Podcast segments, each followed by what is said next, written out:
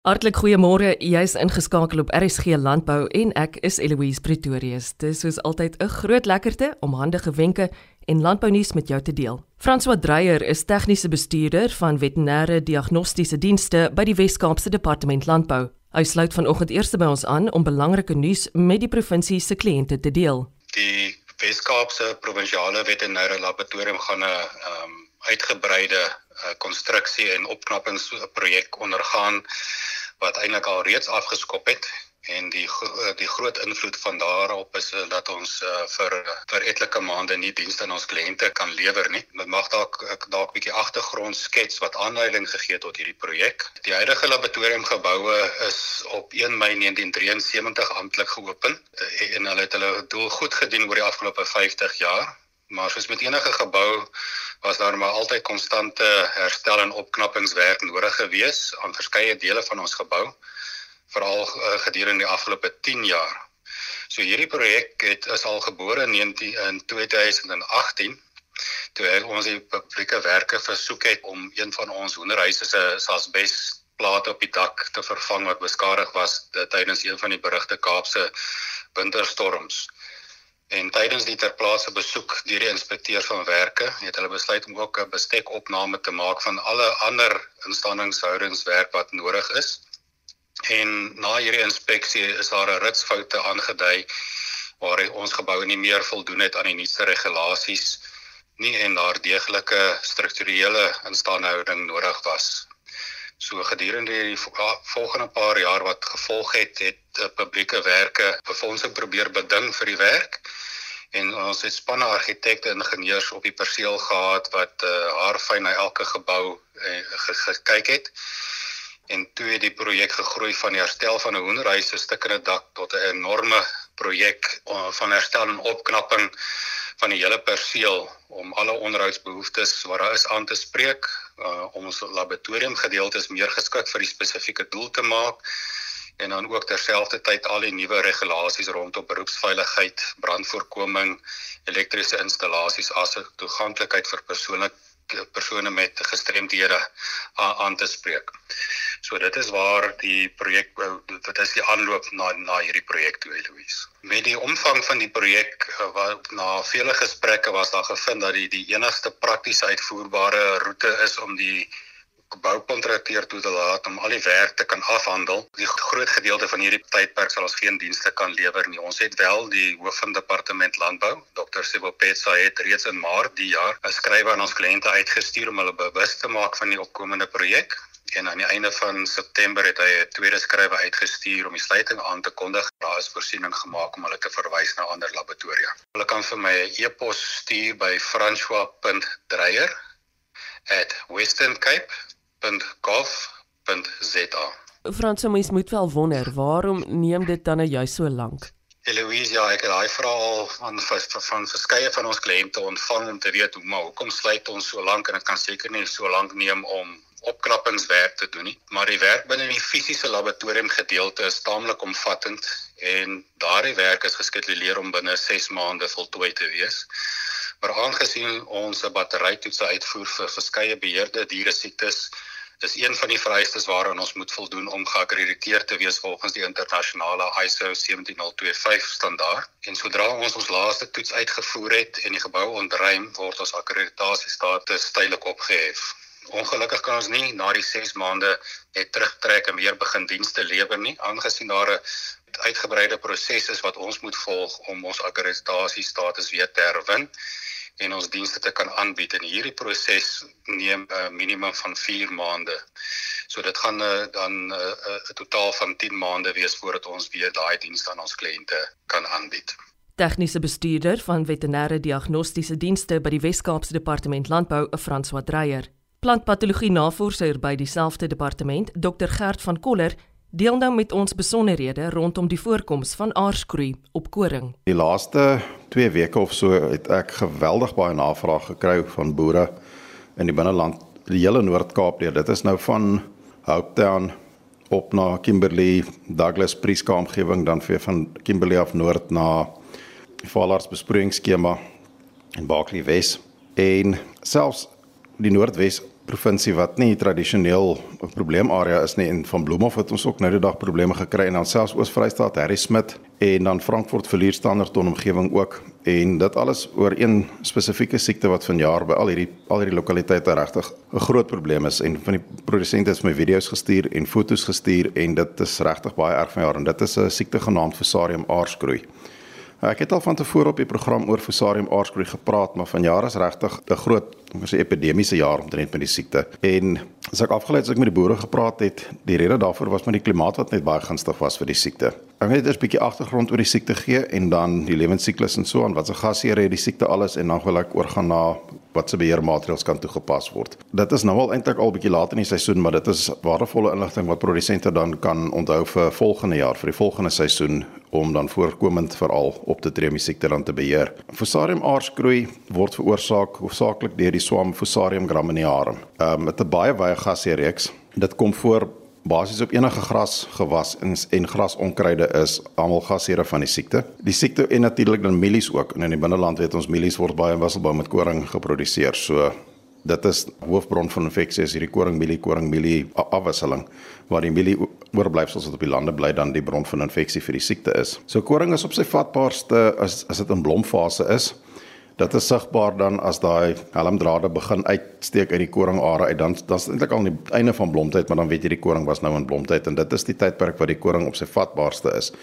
Nou ek het gesê op die gewasreste van die vorige van die vorige seisoene mielies, koring, gars, haver, selfs ander grasonkruide, dis waar die siekte oorleef en dan spore word vrygestel in die lug en as dit dan nou op die koringare land wat in blomtyd is, dan vind dan vind infeksie plaas.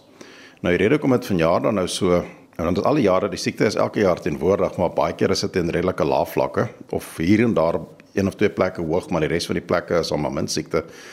Maar die rede kom dit vanjaar so hoog was is die siekte verkies tydens blomtyd wanneer die koring se vatbaarste is moet daar matige temperature wees. Matig is enigiets van 15 tot 25 grade Celsius, maar saam met dit hoë humiditeit. Enigiets van 80 na 100% relatiewe humiditeit. As daai drie faktore, koring is in blom, selfde tyd is die temperatuur matig en daar's hoë humiditeit vir um, Engelse terms prolonged periods vir uitge, uitgerekte periodes.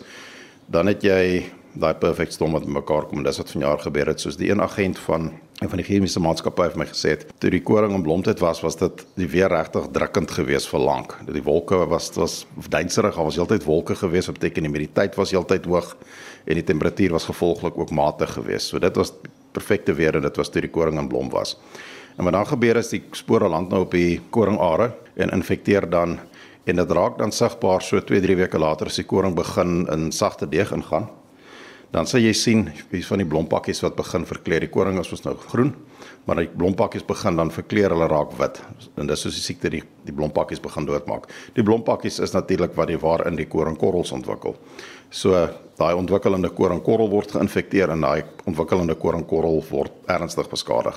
Aan die einde van die seisoen as die oes is waar jy gesonde korrels mooi rond en gesond is, is die geïnfekteerde korrels maar uitgeteer wit en met feitelik geen stysel meer nie. Dit is so maar uitgedroogde patetiese klein korreltjie dan. 'n Ander probleem wat dan plaasvind ook is as die infeksie dan van die blompakkie af Net soos jy by mielies almal weet wat 'n mieliestronk is, die jou mieliepitte en dan by binne middekant het jy jou mieliestronk. Koring het min of meer dieselfde iets om uh, jou blompakkies het is gerangskik om wat ons noem die ragus. Dit is eintlik die klein stronkie wat in die koringaar voorkom. En die probleem is as die infeksie dan nou van die blompakkie af in die ragus ingaan, dan sny dit die vaatweefsel, dis jou xylem en vloem weefsel in die ragus af en dan al die blompakkies bo dit gaan dan dood want hulle kry geen water of voeding nie. So hulle hulle word letterlik uitgedroog.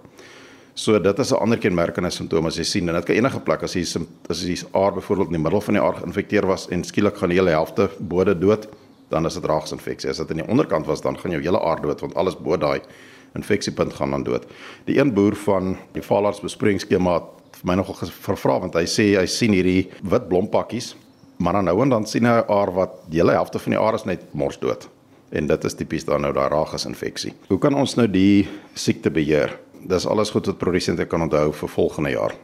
Eerstens jou wisselboustelsel is baie belangrik. Nou weet ek produsente in die binneland het nie veel keuse in terme van wisselbou gewasse nie. Hulle is maar beperk tot koring, mielies, en sojabone baie keer en sojabone. So gesê die grasgewasse is gasheer, maar sojabone is 'n swakker gasheer, maar hy kan ook die Fusarium graminearum huisves, maar wat daar gebeur as hy veroorsaak 'n bietjie wortelverrotting by sojabone.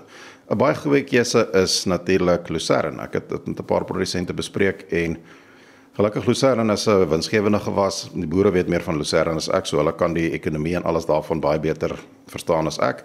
So as jy lucerne kan aanplant in jou gebied as jy die water het en so, is dit ook natuurlik 'n goeie opsie want dan vir die volgende 5 na 7 jaar het jy dan nie 'n gasheer van Fusarium graminearum op baie land nie.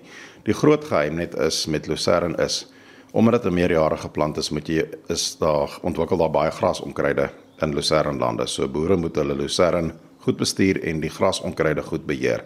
En dit natuurlik nou as jy klaar as jy klaar gebaal het of so dan moet jy jou onkruiddoder spuit om van jou grasse ontslae te raak.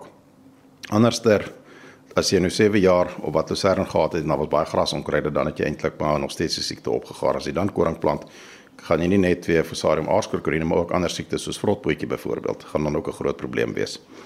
Dan is daar chemiese beheer, maar By chemiese beheer is daar ongelukkig geen middels tans geregistreer teen Fusarium aardskorine nie alhoewel middels wat oorsee geregistreer is het ons al plaaslik getoets en dis middels wat algemeen gebruik word teen die blaarsiektes soos ehm um, Septoria en poeragtige meeldou en ons weet van daar is middels wat definitief effektief effektief is.